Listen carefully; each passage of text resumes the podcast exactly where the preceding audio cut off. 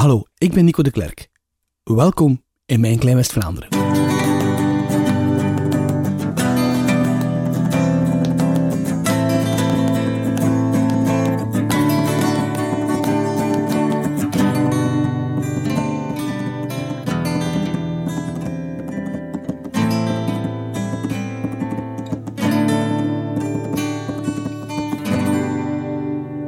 Ik ben blij dat je luistert naar deze aflevering van Mijn Klein West-Vlaanderen. Deze aflevering kreeg als titel Is de Menenpoort van Ieper en gaat dus wonder boven wonder over de Menenpoort in Ieper.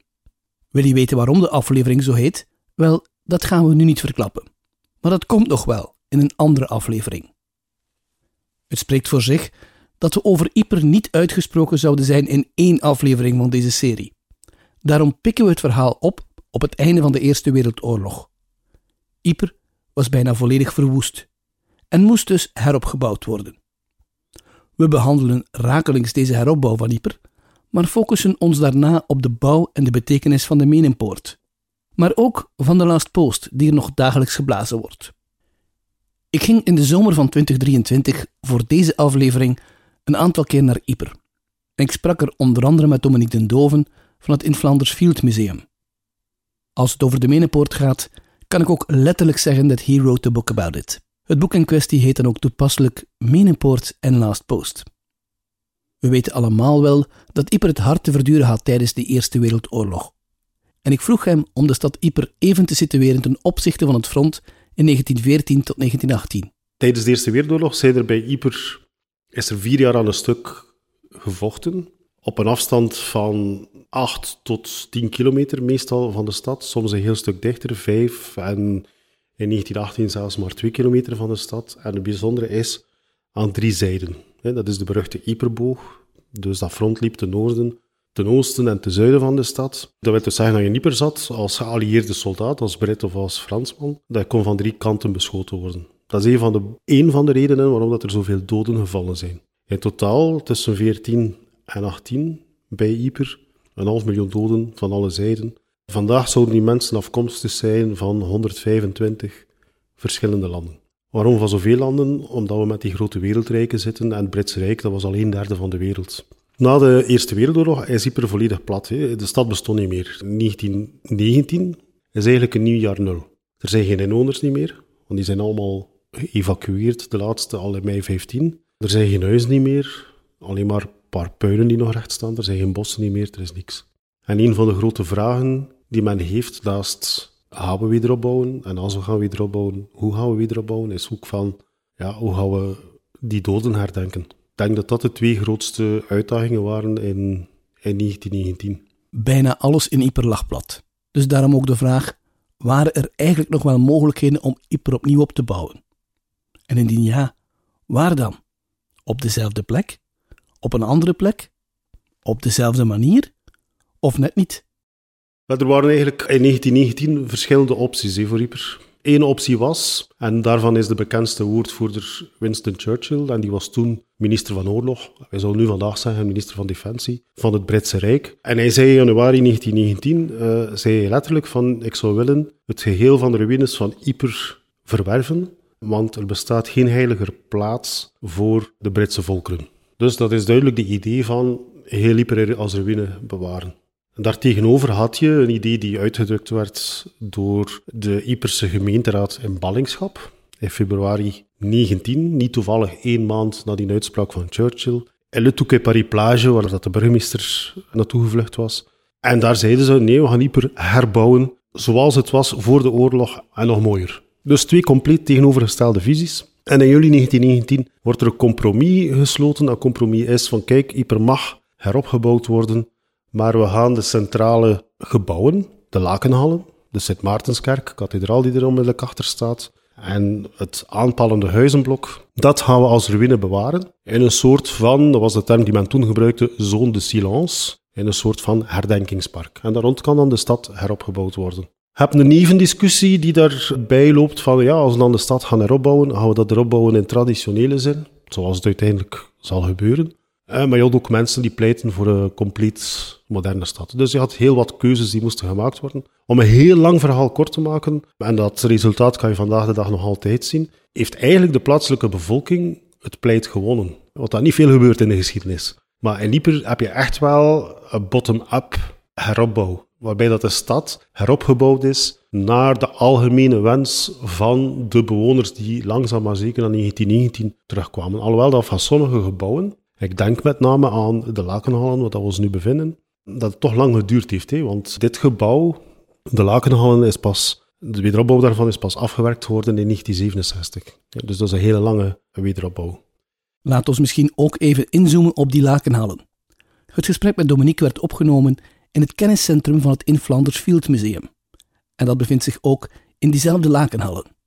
En dat gebouw vindt hij, net zoals de Ipelingen dat ook al vonden, heel belangrijk. Waarom eigenlijk? Omdat het te weinig geweten is en dat zelfs hier in Ieper we er te weinig daar de nadruk op leggen dat de Lakenhallen, dat we nu in het restaureren zijn, waar we nu in ons in bevinden, dat dat eigenlijk het grootste gotische gebouw ter wereld was. als je Noorlog in ogenschouw neemt, die geen kerkelijke functie had. In de 13e eeuw afgewerkt en het grootste gotische gebouw ter wereld die geen kerk is. En dat is te weinig geweten, want dat is eigenlijk fenomenaal. Een gevel van 130 meter. Ik moet natuurlijk ook eerlijk toegeven dat ik ook altijd met heel veel bewondering naar dit gigantische gebouw kijk. Anderzijds, als je de foto's van de situatie in Yper in 1918 bekijkt en die vergelijkt met vandaag, dan vraag je je natuurlijk af in hoeverre dit nog authentiek is. De Lakenal is heel getrouw erop gebouwd. Hè. Heel getrouw erop gebouwd. Ja, er stonden nog redelijk wat muren recht ook. In het gesprek dat ik daarna met Dominique voerde, hebben we toch een paar bedenkingen geuit over de authentieke wederopbouw van de jaren 20 van de vorige eeuw. En dat van een aantal gebouwen. Zo hadden we het onder andere ook over de kerk en het Belfort. Dus Belfort is in beton, alleen de buitenkant is die veldsteen. En zelfs de kerk is nog veel erger. Als je de toren van de kathedraal hier zo beklimt, dan op een zeker ogenblik sta je tussen de gewelf en tak. En dat gewelf is helemaal in beton. Die kerk is in beton. Maar ja, natuurlijk, dat is herbouwd geweest in de jaren 20. Ze hebben de methodes gebruikt die toen... Dus eigenlijk is dat hier juist de buitenste laag. Die, uh... Authentiek in de jaren 20 van de vorige eeuw is dus duidelijk niet hetzelfde als authentiek vandaag. De Lakenhal is blijkbaar wel heel grondig aangepakt. Tijdens ons gesprek spreek ik met Dominique ook over de wederopbouw van andere steden in de buurt, zoals Veurne en Dixmuiden. En ook typisch voor Ripper en Dixmuiden hebben al heel tussen en gele baksteen zijn. En Ipper is dat alleen maar de hevel. En je kijkt, soms zie je dat als je zo eh, een, een hebt die een beetje boven de andere uitsteekt, kun je dat gewoon zien. De hevel is een hele baksteen en de rest van tussen is een rode baksteen. Want de hele baksteen komt van verder en is dus dierder. De hele baksteen hier komt ook uit de polders. De baksteen die hier gewonnen wordt, nog altijd in Zonnebeke en in Ploesteert, dat is rode baksteen. Dus het is alleen maar de hevel, dat zijn die hele bakstenen. Zoals je wellicht wel hoort, waren we hier aan het afwijken. Maar ik laat dit kleine stukje ongefilterd West-Vlaams in de podcast staan, omdat het zo interessant is. Over die façade wederopbouw. In 1919 had Winston Churchill eerst heel Yper willen bewaren als een soort openluchtmuseum. En dat was helemaal niet de visie van de gemeenteraad. Er was ook een compromis waarbij onder andere de lakenhallen en de kerk, de kathedraal, niet heropgebouwd zouden worden. Maar geen van beide ideeën was blijkbaar wat de Ipelingen zelf wilden. Maar de mensen van ter plaatse, die lakenhallen wilden ze toch heropbouwen. En daar hebben de Britten zich lang tegen verzet. Maar tegelijk waren ze aan het denken, de Britten, over ja, hoe gaan we onze doden in Yper herdenken. En dan kwam dat idee van de Menepoort kwam tot stand. En terwijl dat, al die focus van de Britten, wat herdenking ging, ging lang naar die ruïnes van de Lakenhallen. En dan hebben ze op een zeker ogenblik gezegd, is, is er eigenlijk, ja, het is eigenlijk bijna vanzelfsprekend geweest. Ja, maar weet je wat, wij gaan de Menepoort hebben. En dat wordt dan nu onze focus van onze herdenking. En dan moet je met de laten doen wat je er wilt. Dus dat was het, is dat wat ik bedoel met, ik weet niet goed hoe dat ik het in Nederlands moet zeggen, maar in Engels zeggen ze, quid pro quo. Oké, we gaan dat idee van de lakenallen verlaten en wij krijgen dan de menepoort en we mogen daar doen wat we willen. dat is een beetje het idee erachter. En dat speelde allemaal af in de jaren twintig. Quid pro quo. Voor wat hoort wat. De Britten, of beter het Britse gemene best, mochten menepoort bouwen. En de Ieperlingen kregen hun stad terug. Iedereen gelukkig dus. Vandaag de dag kennen we in Ieper vooral de Menenpoort. En misschien ook wel de Rijsselpoort. Deze laatste is een van de oorspronkelijke poorten van de stad. In een andere aflevering gaan we zeker nog eens terugkijken naar de geschiedenis van Ieper. De focus van deze aflevering is dus op de Menenpoort. Hoe zijn we dan ook weer tot die Menenpoort gekomen? Wat er bij de Menenpoort gebeurd is, zijn eigenlijk twee projecten die samengevoegd zijn. En het ene project was een project van de Britse regering om de belangrijkste oorlogssites, oorlogsfeiten te herdenken, battle monuments. En het andere project was een project van de War Graves Commission. En dat was om alle vermisten te herdenken. Wat je ziet bij de Menenpoort is dat die twee samengevoegd zijn en dat je dan een zeer groot en groots monument krijgt, die wel een beetje een dubbel karakter heeft. Want als je er naartoe kijkt, van de buitenzijde zie je een triomfboog. Terwijl je erin stapt, en je al die namen en zie dat dat een funerair monument is die ter herdenking dient. De Menepoort is dus duidelijk een poort met een dubbele betekenis. De Menepoort is iets, is iets vrij, is, is vrij uniek. En was nog meer unieker als het gecreëerd is. Want de Britten, en met Britten bedoel ik het hele Britse Rijk, en dan met als woordvoerder de Graves Commission, zij waren de enigen, dus vanuit de vaststelling van kijk, er zijn zoveel doden gevallen die nergens herdacht worden. Dus die een anoniem graf hebben, of waarvan dan het lichaam nooit weergevonden hebben, en die zouden ook moeten herdacht worden. Dus de Britten zijn de enigen die gezegd hebben, iedereen moet herdacht worden. Of dat we een lichaam hebben of niet. En dus zij zijn met dat idee van een monument voor de vermisten afgekomen. Ze hebben daar een beetje mee gespeeld. Allee, in eerste instantie was dat misschien moet men gaan herdenken in de begraafplaats die dicht ligt. Nu uiteindelijk zijn ze naar die grotere monumenten geweest, waarvan dat de Menepoort... Maar eigenlijk kun je zeggen dat de Menepoort, dat is eigenlijk de moeder van vele andere oorlogsmonumenten. Als je in Washington D.C. naar de Vietnam Memorial gaat, en dat is een muur met de namen van degenen die omgekomen zijn in Vietnam, ja, de Menepoort was de eerste, was de eerste in zijn soort daarvan. Dus een vrij modern en vrij spectaculair idee. Hè? De Menepoort is dus de moeder van alle herdenkingsmonumenten van dit type. Hoe kwam men uiteindelijk tot het ontwerp van de Menepoort? Eerste plannen 1919, maar dat was dat gewoon voor, laten we zeggen, eerder het triomfboog. De, de architect heeft een eerste plan gemaakt, dat noemde nog niet de Menenpoort, dat was gewoon een poort. En dan evalueert dat, en laten we zeggen dat 1919, eh, 1922, 1923 zijn de plannen concreet en begint men al heel snel te bouwen. En in 1927 is de Menenpoort klaar. 1927, dus minder dan tien jaar na het einde van de oorlog, wat dat vrij snel is. Hè. De Menenpoort wordt ook wel de Menengate Memorial to the Missing genoemd. Ze werd ontworpen door Sir Reginald Blomfield en gebouwd door de Imperial War Graves Commission, die we nu de Commonwealth War Graves Commission noemen. De poort werd officieel geopend op 24 juli 1927. Het is een poort gebouwd door, en laat het ons nu maar gewoon de Commonwealth noemen. En ik ga er dan ook vanuit dat alle vermisten uit dat gebied, wat toen pakweg een derde van de wereld was, er ook op vernoemd worden. Op de Menepoort, um, dat is ook iets dat de Britten merkten. Dat is als ze de Menepoort ja, aan het bouwen waren, als ze die lijsten aan het samenstellen waren, dat er niet genoeg plaats zou zijn voor alle vermisten van het Britse Rijk die bij Yper gevallen zijn. En dan hebben ze gezegd van kijk, op de Menepoort gaan we alle Britten herdenken. Maar Britten bedoel ik van het toenmalige Verenigd Koninkrijk. Tot midden augustus 1917. Alle anderen, dus van het Verenigd Koninkrijk, die na 15 augustus 17 omgekomen zijn, die worden herdacht op Tynecott Cemetery, op een grote muur op het einde van de begraafplaats.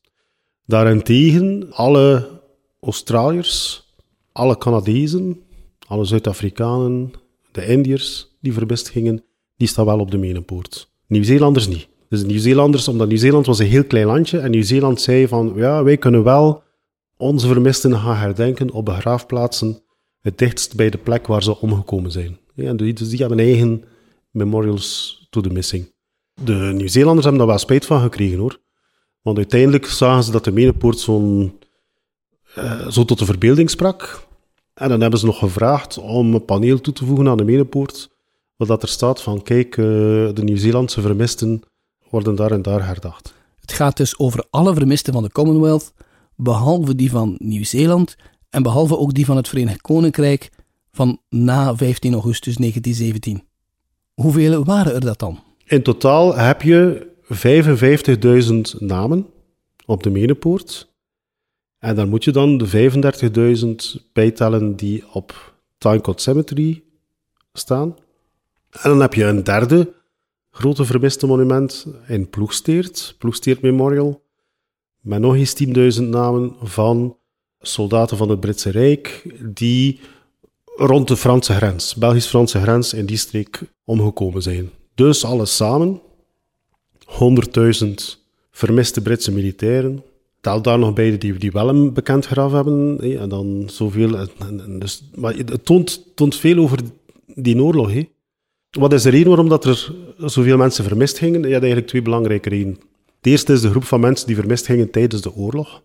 Dat heeft te maken met het belangrijkste wapen in die oorlog, of het dodelijkste wapen in die oorlog, dat is de artillerie. Als er een granaat terecht kwam in een groepje soldaten, dan waren die letterlijk, Britten schrijven dat ook zo, blown to bits. Konden niet meer herkend worden. Voilà, ze zijn vermist. Maar ook de tweede reden is dat er nogal wat mensen postuum vermist geraakt zijn. De oorlog duurt vier jaar. Iemand sterft in 1914, krijgt een graf met een kruisje met zijn naam op. Maar tijdens latere gevechten, tijdens latere beschietingen, wordt dat graf vernietigd. Men weet niet meer wie dat er ligt. En dus is dat iemand die postuum vermist wordt. Dat zijn de twee belangrijkste verklaringen voor het enorme aantal vermisten dat je hebt. Zo had ik er zelf nog nooit over nagedacht. Postuum vermist geraken. In een gebied waar er elk jaar nog massa's munitie wordt opgegraven en bij heel veel openbare werken ook nog heel wat oude graven uit de Eerste Wereldoorlog worden herontdekt, ga ik er ook vanuit dat het werk nog steeds een work in progress is. Ja, absoluut. Sorry, je hebt nog altijd identificaties en je hebt nog altijd begrafenissen. Het is daarom dat ik altijd zeg, de Menepoort is een levend monument. Het is een levend monument voor twee redenen. Voor drie redenen, sorry. De eerste reden is de lastpost, die echt zorgt dat dat monument in de kijker blijft. De tweede reden is dat het nog altijd gebruikt wordt voor de reden waarvoor dat destijds gecreëerd is. Mensen komen ernaar om te rouwen, om mensen te herdenken. En de derde reden is dat dat eigenlijk een monument is die voortdurend in evolutie is. Dus er worden daar namen afgehaald en bijgezet. Vandaag de dag is dat niet zozeer fysiek, maar is dat eerder virtueel. Ik ga een zeer concreet voorbeeld geven. Heb bijvoorbeeld bij de Queen Victoria Rifles, dat is een, een bataljon uit Londen, staat de naam van een zekere kapitein, Captain Faze Curly Westby. En x aantal jaar geleden is er een Britse historicus die argumenteert dat hij weet waar Faisal Curly Westby begraven ligt. Zijn argumentatie is vrij simpel, hè? dus heel precies. Weet ik het niet, wat komt erop neer? Zegt hij van, we weten dat er drie kapiteins van de Queen Victoria Rifles omgekomen zijn bij Ypres. Kapitein A ligt daar begraven, kapitein B ligt daar begraven. En dan hebben we maar één graf van een unknown captain. Dus kan het niet anders dan dat dat Captain Faisal Curly Westby is. Wat doet de War Commission dan? Ze gaan die grafsteen vervangen. Ze gaan de naam eraan toevoegen, maar ze zijn altijd heel voorzichtig. Bijvoorbeeld staat er nu op die grafsteen believed to be Captain Physically Westby. En officieel wordt de naam weggenomen van de Menepoort. Officieel, dat wil zeggen, ze gaan zij niet een van de werkmannen sturen met een beitel voor dat weg te kappen. Maar als je het vandaag gaat opzoeken en je kijkt vandaag in het register van de Menepoort, ga je hem niet zien staan. Je gaat verwezen worden naar waar dat zijn graf is. Omgekeerd gebeurt het ook vrij regelmatig dat een historicus of uh, familiekundige, genealoog of zo, te weten komt van kijk, ik heb, er is die persoon A en die is bij Yper vermist geraakt en die wordt nergens herdacht. Of die wordt op de verkeerde plaats herdacht. Als hij dat voldoende kan staven en beargumenteren, had de War Commission zijn naam toevoegen op de Menepoort. En op de Menepoort heb je een aantal panelen met addenda waar namen toegevoegd worden. Dus in die zin is dat een heel sterk levend, uh, levend monument. Er worden namen gecorrigeerd die altijd verkeerd gespeld worden. Dat is normaal. Hè? Ja, als je een monument hebt met 55.000 namen, geen fout, dat bestaat niet. Hè? Waarom heeft men eigenlijk het herdenkingsmonument en het vermiste monument met elkaar gecombineerd? Want het lijkt toch een beetje een rare combinatie. Ze hebben er lang over gediscussieerd. Hè? Dus ze zeiden van, ja oké, Uh, we willen een groot herdenkingsmonument bij, in Ypres, want Ypres voor ons, hè, dat is gelijk Verdun voor de Fransen.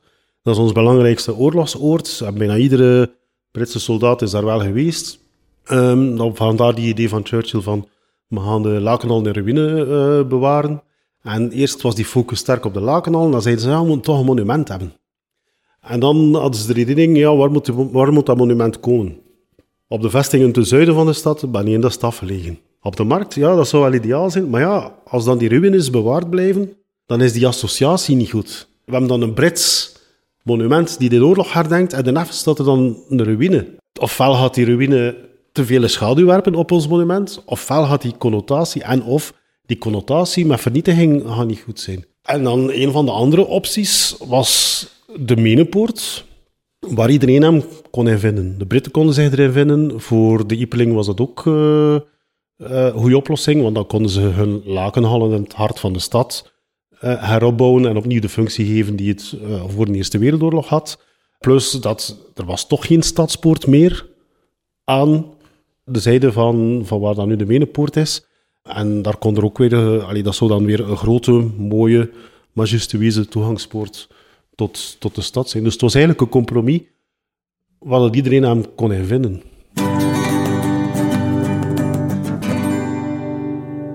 Mijn Klein West-Vlaanderen is een non-profit podcast waar ook jij je steentje kan aan bijdragen. Heb je een idee? Heb je informatie? Ken je personen met een interessant geschiedkundig West-Vlaams verhaal? Mail ons dan op mijnkleinwestvlaanderen.gmail.com en Mijn Klein West-Vlaanderen in het algemeen Nederlands. Alles aan elkaar, zonder spaties, streepjes of hoofdletters. Wij danken je alvast voor je welwillende hulp.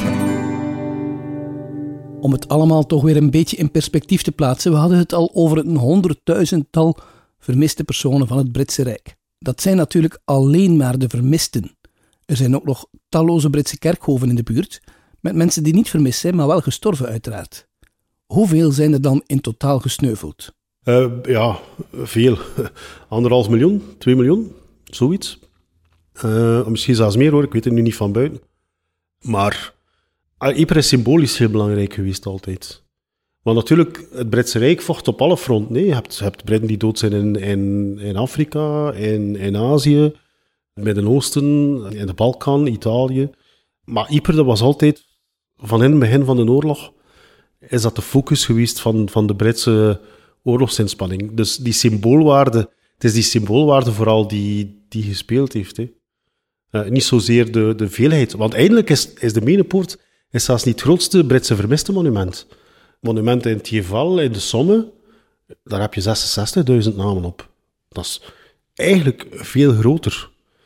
In sommige opzichten majestueuzer. Maar het staat, om het op z'n West-Vlaams te zeggen, in Tol van Pluto. Nee, dat staat te Velde, in een klein, dichtbij een klein dorpje die een paar honderd inwoners heeft. Uh, dat is iets helemaal anders. Terwijl dat hier de Menenpoort in Ieper is deel van, wat dat ze het Engels zeggen, de fabric of society, maakt deel uit van de gemeenschap. De lastpost is dat beste idee van, hé. de lastpost is geen Brits gegeven, het is geen Britse ceremonie. De lastpost wordt georganiseerd en wordt uitgevoerd door mensen van Ieper. Oké, aan een Brits monument. Wat zijn mensen van Ieper die doen? Wat dat voor mij, denk ik, het beste, beste bewijs is dat de Menepoort evenveel van Ypres is als dat het van de Commonwealth is. De Menepoort is een deel van de gemeenschap, een deel van Yper, maar ook van Groot-Brittannië en van de Commonwealth. Hoe gaat dat allemaal samen? Dus uh, de Britten die hadden hun... En je ziet dat letterlijk, er staat een paneel op de Menepoort dat het monument opgericht is door het Britse Rijk en dan geschonken aan de Yperse bevolking beetje raar statuut, want ja, het staat op openbaar termijn. Hé. Het, is, het, een doorgang, het is verkeer onder. Maar het monument zelf, de poort zelf, wordt onderhouden en is eigendom van de War Grace Commission. Het staat op stadsgrond, het staat op openbaar domein, maar het is, het is een gebouw die... Het is een beetje raar statuut dat heeft. Ik dacht dat de Menenpoort eigenlijk een soort van Brits grondgebied was. Maar dat is ook een mythe, dat is een van de mythes. Hetzelfde van de begraafplaatsen. De militaire begraafplaatsen zijn geen stukje Engeland. Dat is, dat is een misvatting. Ze zijn wel eigendom van de Commonwealth War Grace Commission, wat dus een Commonwealth-organisatie is. Maar er is daar geen extraterritorialiteit of... of... In Dieper heb je bijvoorbeeld een politiereglement voor de begraafplaatsen, dat even goed geldt voor die Britse militaire begraafplaatsen. Dus uh, Ja, er is dat, geen, dat is een beetje een mythe van, ah, dat is een stukje... Oké, ik versta het wel. Het wordt onderhouden door een organisatie die voor een groot stuk Brits is. Ze doen een beetje denken aan een Engelse tuin, maar daar rijdt het eigenlijk mee. De Britse begraafplaatsen zien er inderdaad allemaal een beetje uit als een Engelse tuin. In 2023 begon men aan de restauratie van de Menepoort. Wellicht naar aanleiding van het eeuwfeest in 2027. Maar door wie wordt dit dan betaald? Door dezelfde mensen die ook het onderhoud van de kerkhoven betalen dan? Door de Wargaze Commission. Want eigenlijk, ja, nu in de Commonwealth Wargaze Commission, wie is er vertegenwoordigd? Je hebt het Verenigd Koninkrijk, je hebt Canada, uh, je hebt Australië, Nieuw-Zeeland, Zuid-Afrika en India. Dat zijn de mensen die de commissie, de mensen, dat zijn de landen die de commissie uitmaken. En dan heb je nog een deel andere landen die vroeger tot het Britse Rijk behoren, die een financiële bijdrage leveren. Maar de commission zelf bestaat uit vertegenwoordigers van die, die zes landen. Laat ons eventjes terugkijken naar de tijd dat de Menepoort effectief gebouwd werd. Waren er dan geen problemen met bouwen in die periode? Nee, er waren, gelijk bij elke grote bouwwerf, waren er problemen die men niet voorzien had. Uh, zowel van praktische, maar ook van financiële aard. Uh, van praktische aard, dat bijvoorbeeld de ondergrond veel minder stabiel bleek te zijn dan men gedacht had, waardoor dat er veel meer heipalen moesten ingeklopt worden. Men kwam bij de voorbereiding van de werken ook ja, lugubere zaken tegen. Hè. Dus er stond daar tot 1915 een cafeetje, de, die ook van die vestingen, de Oude Wachten. Op 22 april 15 heeft dat een voltreffer gehad. En de burgers die zich verscholen hadden in de kelders, ja, zijn er omgekomen. Dus men kwam die lijken ook tegen. Dan waren er financiële problemen, omdat er bepaald was dat de aannemer in bepaalde valuta ging betaald worden. Ik denk dat het in Franse frank was en dat die wisselkoers plots begon te schommelen. Dus uh, daar, had je problemen mee. Maar geen problemen die, behalve dan het, tegenkomen van die, die lijken uit de Eerste Wereldoorlog, geen problemen dat je ook vandaag de dag niet tegenkomt bij een grote bouwwerf. Ik vond dit een zeer interessant antwoord, maar dat was niet waar ik oorspronkelijk naar polste. Ik mikte eigenlijk op het feit dat er duizenden en duizenden verwoeste huizen waren in de hele regio en dat er overal moest heropgebouwd worden. Ik wilde eigenlijk weten of dit geen problemen gaf bij het vinden van de nodige bouwmaterialen en ook van de nodige werkkrachten. eigenlijk was die planning vrij goed, hè? omdat de, als je kijkt, je ziet dat, je ziet dat ook letterlijk, hè? als je hier bij ons in de stad rondloopt en je kijkt naar de gevels, heb je heel vaak de jaartallen van heropbouw die erop staan. En dan zie je dat dat eigenlijk bijna allemaal tussen 1921 en 1924 gebeurt. Dat wil zeggen dat tegen 1924 het bijna alle individuele huizen herbouwd zijn. Dat is eigenlijk het moment waar dat ze ook echt beginnen aan de Wenenpoort te bouwen. Dus in die zin was die planning vrij goed. Is dat vrij goed verlopen. Het is niet zo dat mensen hebben moeten wachten op de herbouw van hun huis omdat de Wenenpoort voorrang kreeg. Nee, dat niet.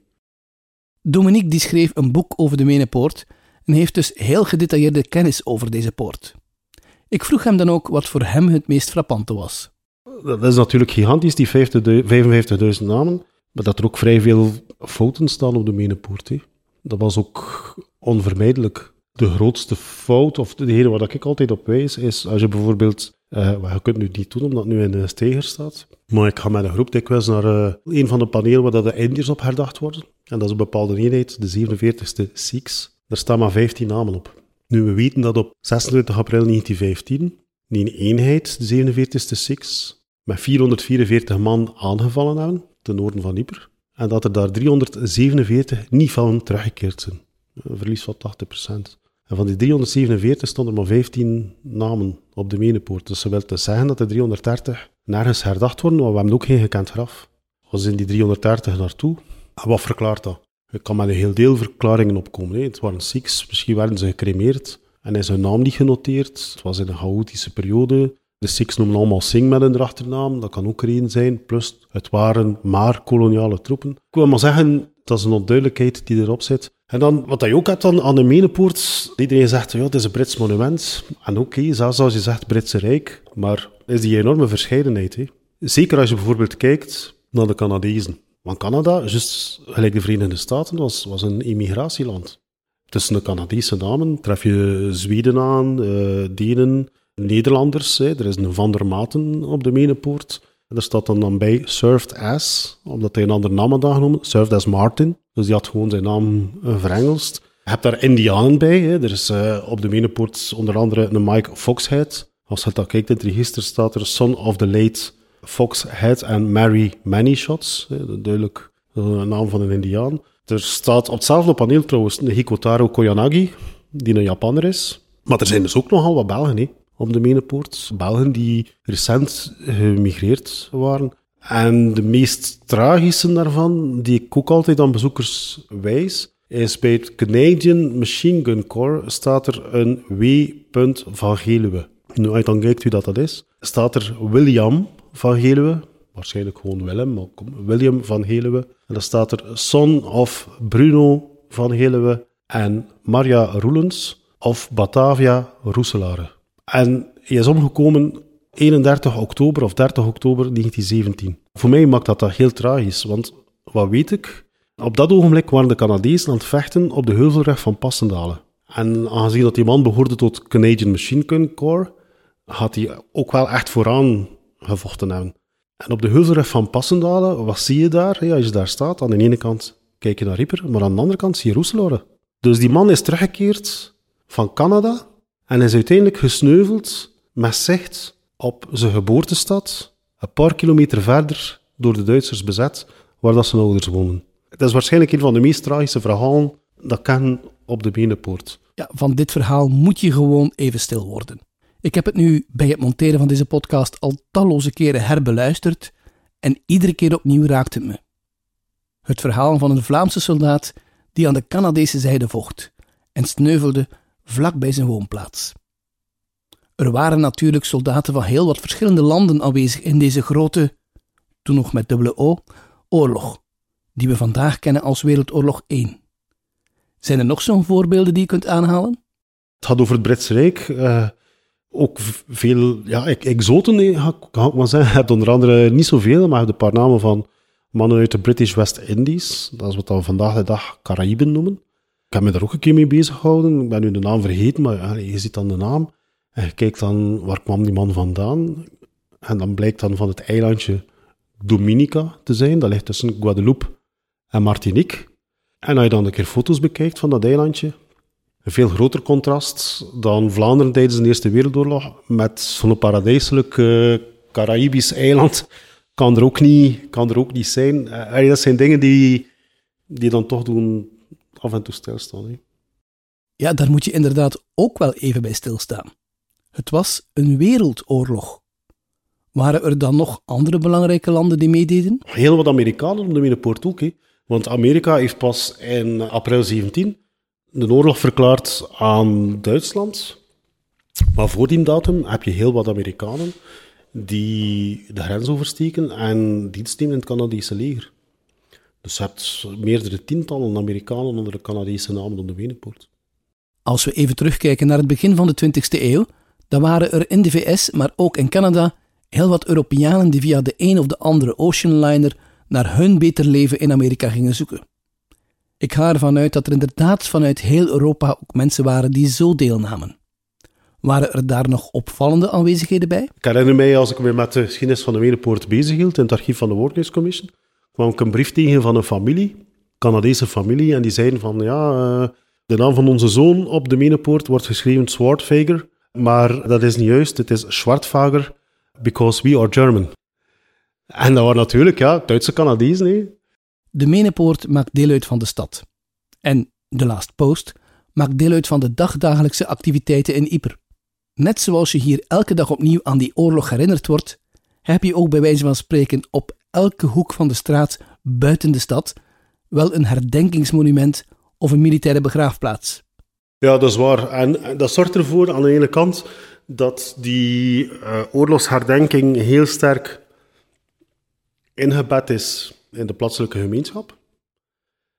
Aan de andere kant heb je dan het risico dat het ook wel die begraafplaatsen een beetje banaal worden. Wat bedoel ik daarmee? Als je heel je leven even de begraafplaats woont, kan het gebeuren dat je vergeet wat dat de betekenis daarvan is. Het gebeurt soms, gelukkig niet veel, want je hebt genoeg mensen die daar wel gevoelig voor zijn, maar het gebeurt soms dat je iemand ziet en uh, met zijn gaan wandelen op een begraafplaats. Wat dat eigenlijk niet mag, volgens het politiereglement. Het ergste dat ik ooit gezien heb is, uh, maar dat waren gelukkig geen mensen van de streek, dat waren twee Fransen die lagen te zon op een begraafplaats. Dat vind ik er wel een beetje over. Dat mag toch niet kunnen? Uiteindelijk zijn er zoveel, meestal jonge mannen, gesneuveld in een zinloze strijd. Dat mogen we nooit vergeten. En dat brengt me opnieuw bij The Last Post. Die wordt elke dag opnieuw om 8 uur s'avonds geblazen aan die menepoort. Vind jij deze podcast fantastisch? Maak dan reclame door de link te delen of hopelijk een positieve review te schrijven in je favoriete podcast-app of op onze Facebookpagina bij het desbetreffende artikel. Wil je jouw mening liever mailen? Dan kan dat ook via mijnkleinwestvlaanderen.gmail.com En Mijn West-Vlaanderen in het algemeen Nederlands, alles aan elkaar, zonder spaties, streepjes of hoofdletters. Alvast bedankt. De Last Post is een ceremonie waarbij de vermisten herdacht worden. En aangezien het gaat over een ceremonie aan een monument voor de vermisten van het voormalige Britse Rijk, zocht ik één vrijwilliger om mee te werken aan die podcast. Carl Krog komt uit Zuid-Afrika, maar woont al lang in Kent in Engeland. Iedere keer dat hij naar ons land komt, bezoekt hij ook Ypres, om zijn respect te getuigen bij die menepoort. De eerste keer dat hij kwam, logeerde hij bij iemand waarvan haar vader had meegewerkt aan de bouw van de Menepoort. En daarom gingen ze even kijken. En vanaf die eerste keer was hij al onder de indruk. My name is Carl. I'm originally from South Africa. We moved to the UK about 22 years ago. And um, it's my lady's birthday coming up, so we do a European trip to come. And I say every time we're in Europe, we come to IPA just to pay our respects at the Menengate because we came here the one year we found this by chance. I didn't know actually anything much about it. We stayed at a, um, a house, and the lady told us her father built was part of the team that built the Menengate. Shows all the pictures. We came here that night, and it blew my socks off. It was such a moving experience. Very, very moving.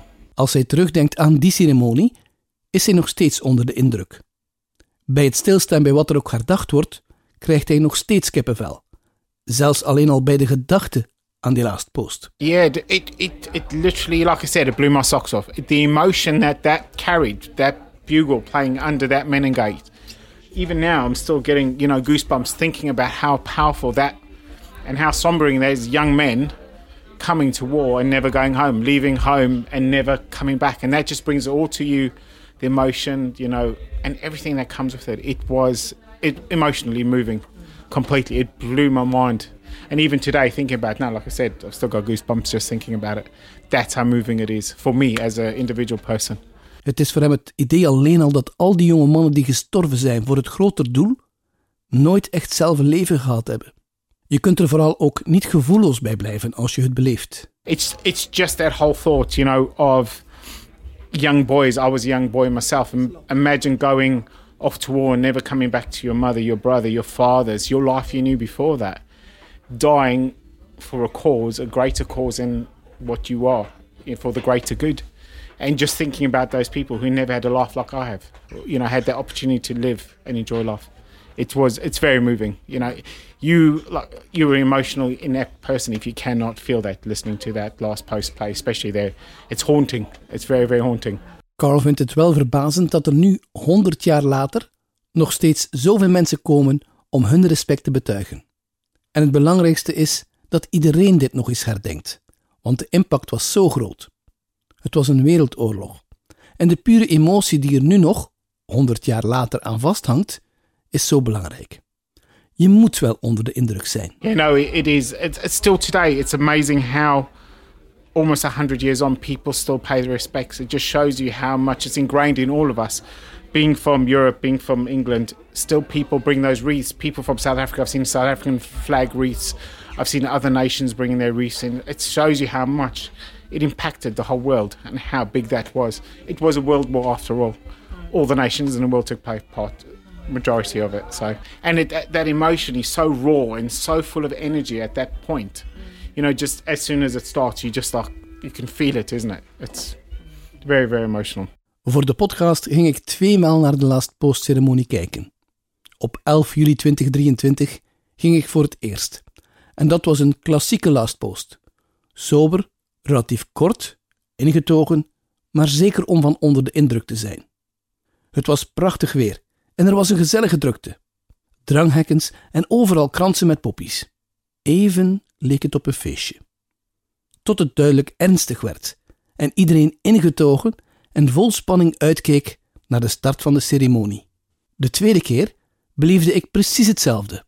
Alleen bleek deze keer de aanpak een beetje grootser. Het was duidelijk geen gewone lastpost. Maar het gevoel was exact hetzelfde. Iedereen verzamelde vlakbij die menenpoort om de lastpost bij te wonen. Eerst nog met heel veel gebabbel, groezemoes, tot duidelijk aanstalten gemaakt werden om de lastpost aan te vatten. En dan wordt het stil, alsof je een naald kunt horen vallen.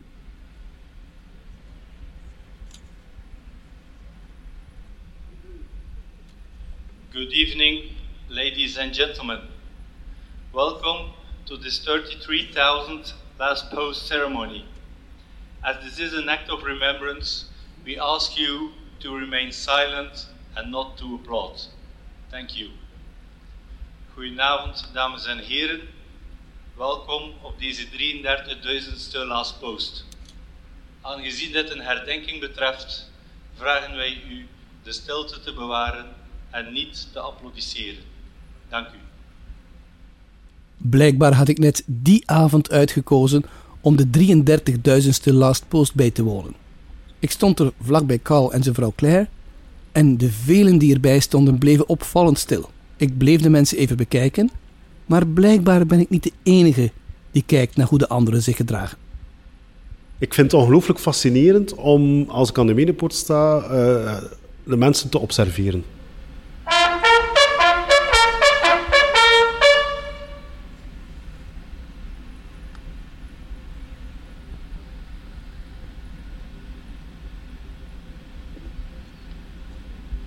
guests, ladies and gentlemen.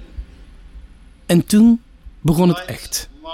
Tijdens de speech werd het verhaal van het dagelijks spelen van de Last Post bij deze menepoort sinds eind jaren 20 van de vorige eeuw, met uitzondering van de periode van de Tweede Wereldoorlog, in de verf gezet. De inzet van de Last Post Association en al zijn medewerkers werd er ook terecht in de kijker gebracht. Deze 33.000ste keer is nog steeds niet voldoende om één keer slechts één keer de last post te spelen voor elke soldaat die vermeld staat op het monument. Dat zou immers nog duren tot het jaar 2090. Als ze het zouden willen doen voor elke soldaat van de Commonwealth die stierf tijdens Wereldoorlog 1 in België, dan zou het daarboven nog eens 450 jaar extra duren, tot het jaar 2540. Er werd ook nog eens benadrukt dat zij stierven voor de vele vrijheden die we vandaag als normaal beschouwen. En daarom willen ze het als de Last Post Association ook zo lang mogelijk blijven doen, als een passend eerbetoon voor de gevallen soldaten.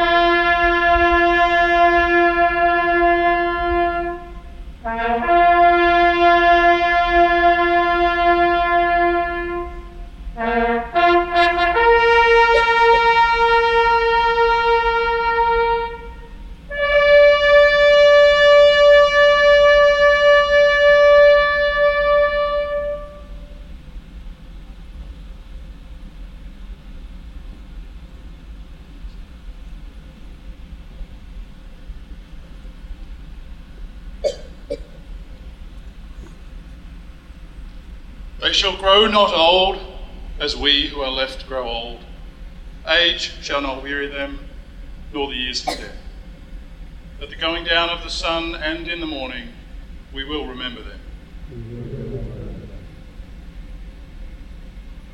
Omdat deze 25 september 2023 een speciale gelegenheid was, met toch wel een iets langere speech en heel veel bezoekers, waren er ook nog heel wat mensen en organisaties die tijdens de ceremonie ook nog een krans neerlegden.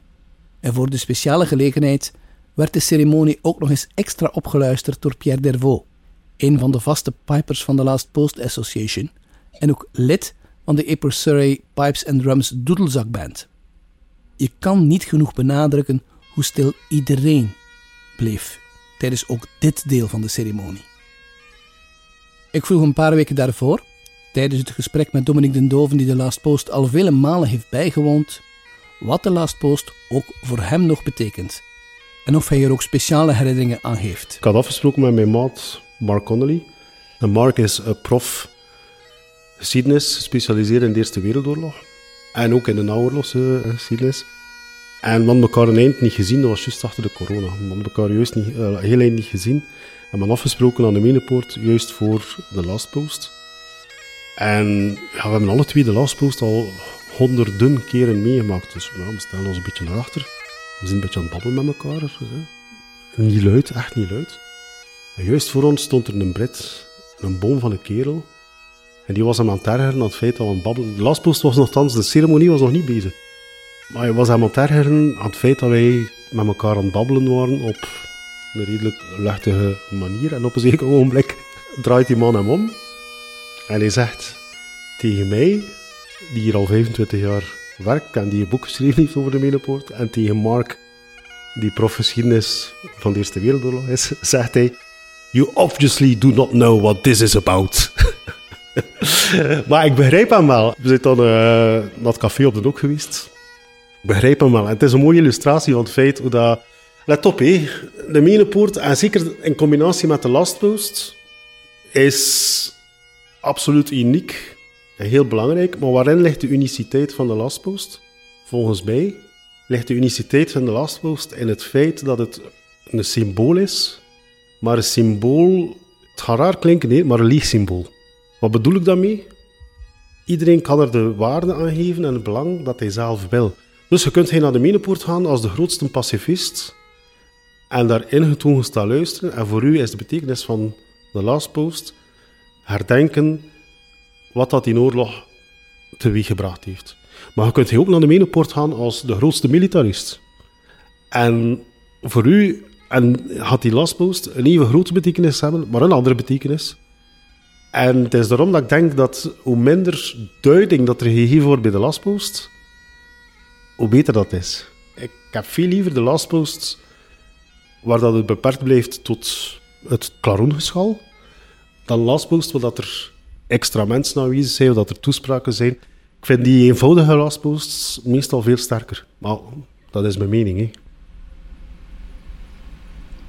When you go home, tell them of us and say, For your tomorrow we gave our today.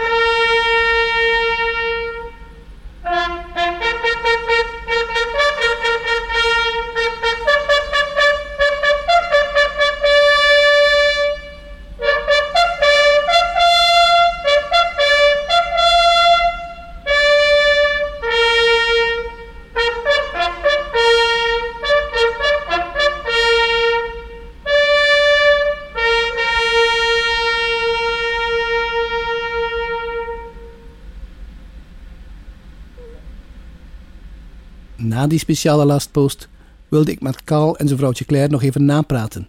En ik vroeg hen wat het met hen deed. En blijkbaar werd hij alvast zeer emotioneel hierover. Oh, it it literally moved me.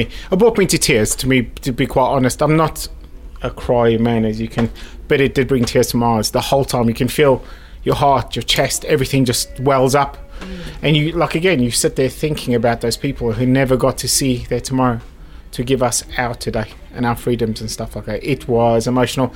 When the Papa came on, it just took it to that next level too.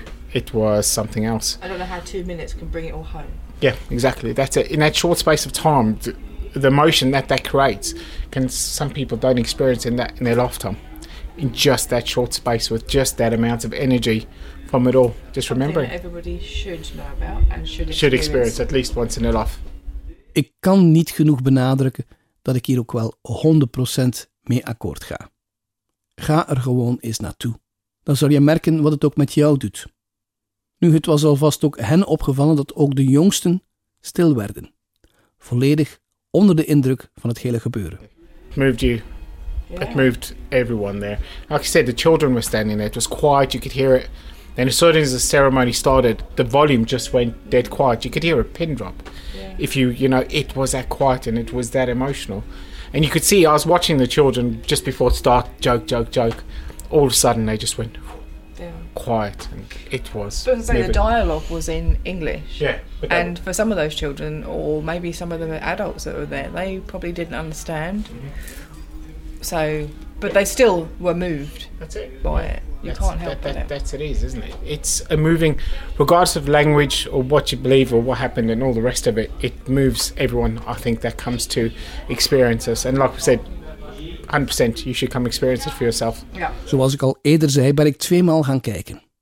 Eerste keer op 11 juli 2023 en op die warme zomerdag was er na de Last Post duidelijk een gezellige aanwezigheid in Ieper. En ik had na de ceremonie ook nog een kort gesprekje met Yuri van Migroet van de Last Post Association. Hij vertelde kort de geschiedenis van de Last Post ceremonie aan de Menepoort. Wel, eh, de eerste keer werd de Last Post geblazen bij de inauguratie van de Menepoort. Dat is eigenlijk een beetje, dat was zo pakkend dat dat blijven hangen is bij heel veel mensen. Dus 1927. En ehm, in 1928 zijn ze dan voor de eerste keer op 2 juli, hè, 1928, is dan eigenlijk de Last Post Association met de Last Post begonnen. Dus eh, dit jaar was dat 95 jaar geleden dat de Last Post voor de eerste keer weer klonk van de Last Post Association. Dus 2 juli 1928. En ehm, dan zijn, hebben ze een paar maanden geblazen en dan eigenlijk ja, voor alle dagen te blazen zijn ze begonnen in 1928. En dat hebben ze gedaan tot eh, 1940, de inval van de Duitsers. En dan zijn ze moeten stoppen. En dan is er eigenlijk in eh, Groot-Brittannië, in Brookwood, hebben ze dan wekelijks de Last Post geblazen, omdat wij hem hier niet konden blazen. Het blazen van die Last Post ceremonie werd door de Britten dus tijdens die Tweede Wereldoorlog even overgenomen op eigen domein. Ik veronderstel dat Yper na de oorlog ook graag de fakkel weer overnam. Yper is bevrijd geweest op 6 september 1944 hè, door de Poolse divisie. En eh, vanaf die dag, dus eh, 6 september 1944, tot op nu, tot op heden, hebben we nooit meer gestopt met blazen. Dus zelfs eh, tijdens de grote pandemie, de coronapandemie, waren wij eigenlijk een eh, uitzondering en eh, zijn wij erin geslaagd om de ceremonie te blijven doen.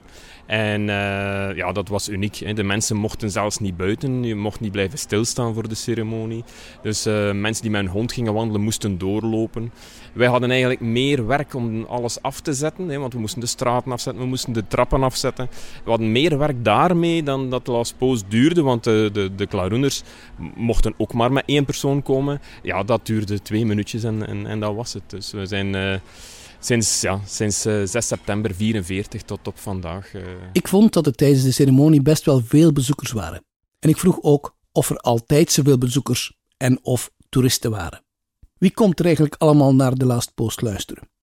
Dat toerisme is inderdaad, zelfs al in de jaren 20 was er het, eh, het toerisme om naar eh, de Westhoek te komen kijken waar hun familieleden eh, gesneuveld waren of gestreden hadden. Maar nu, ja, dus ik denk sinds, sinds ja, 2014, 2018 de grote vieringen, zeg maar, dat er daar toch wel een, een heel grote boost gegeven is. En uh, we zien hier ja, de laatste weken heel veel Australiërs die hier zijn. Uh, heel veel scholen die terugkomen, nee, die dan blij zijn als ze na vier jaar terug naar de west toe komen, terug naar de Menepoort.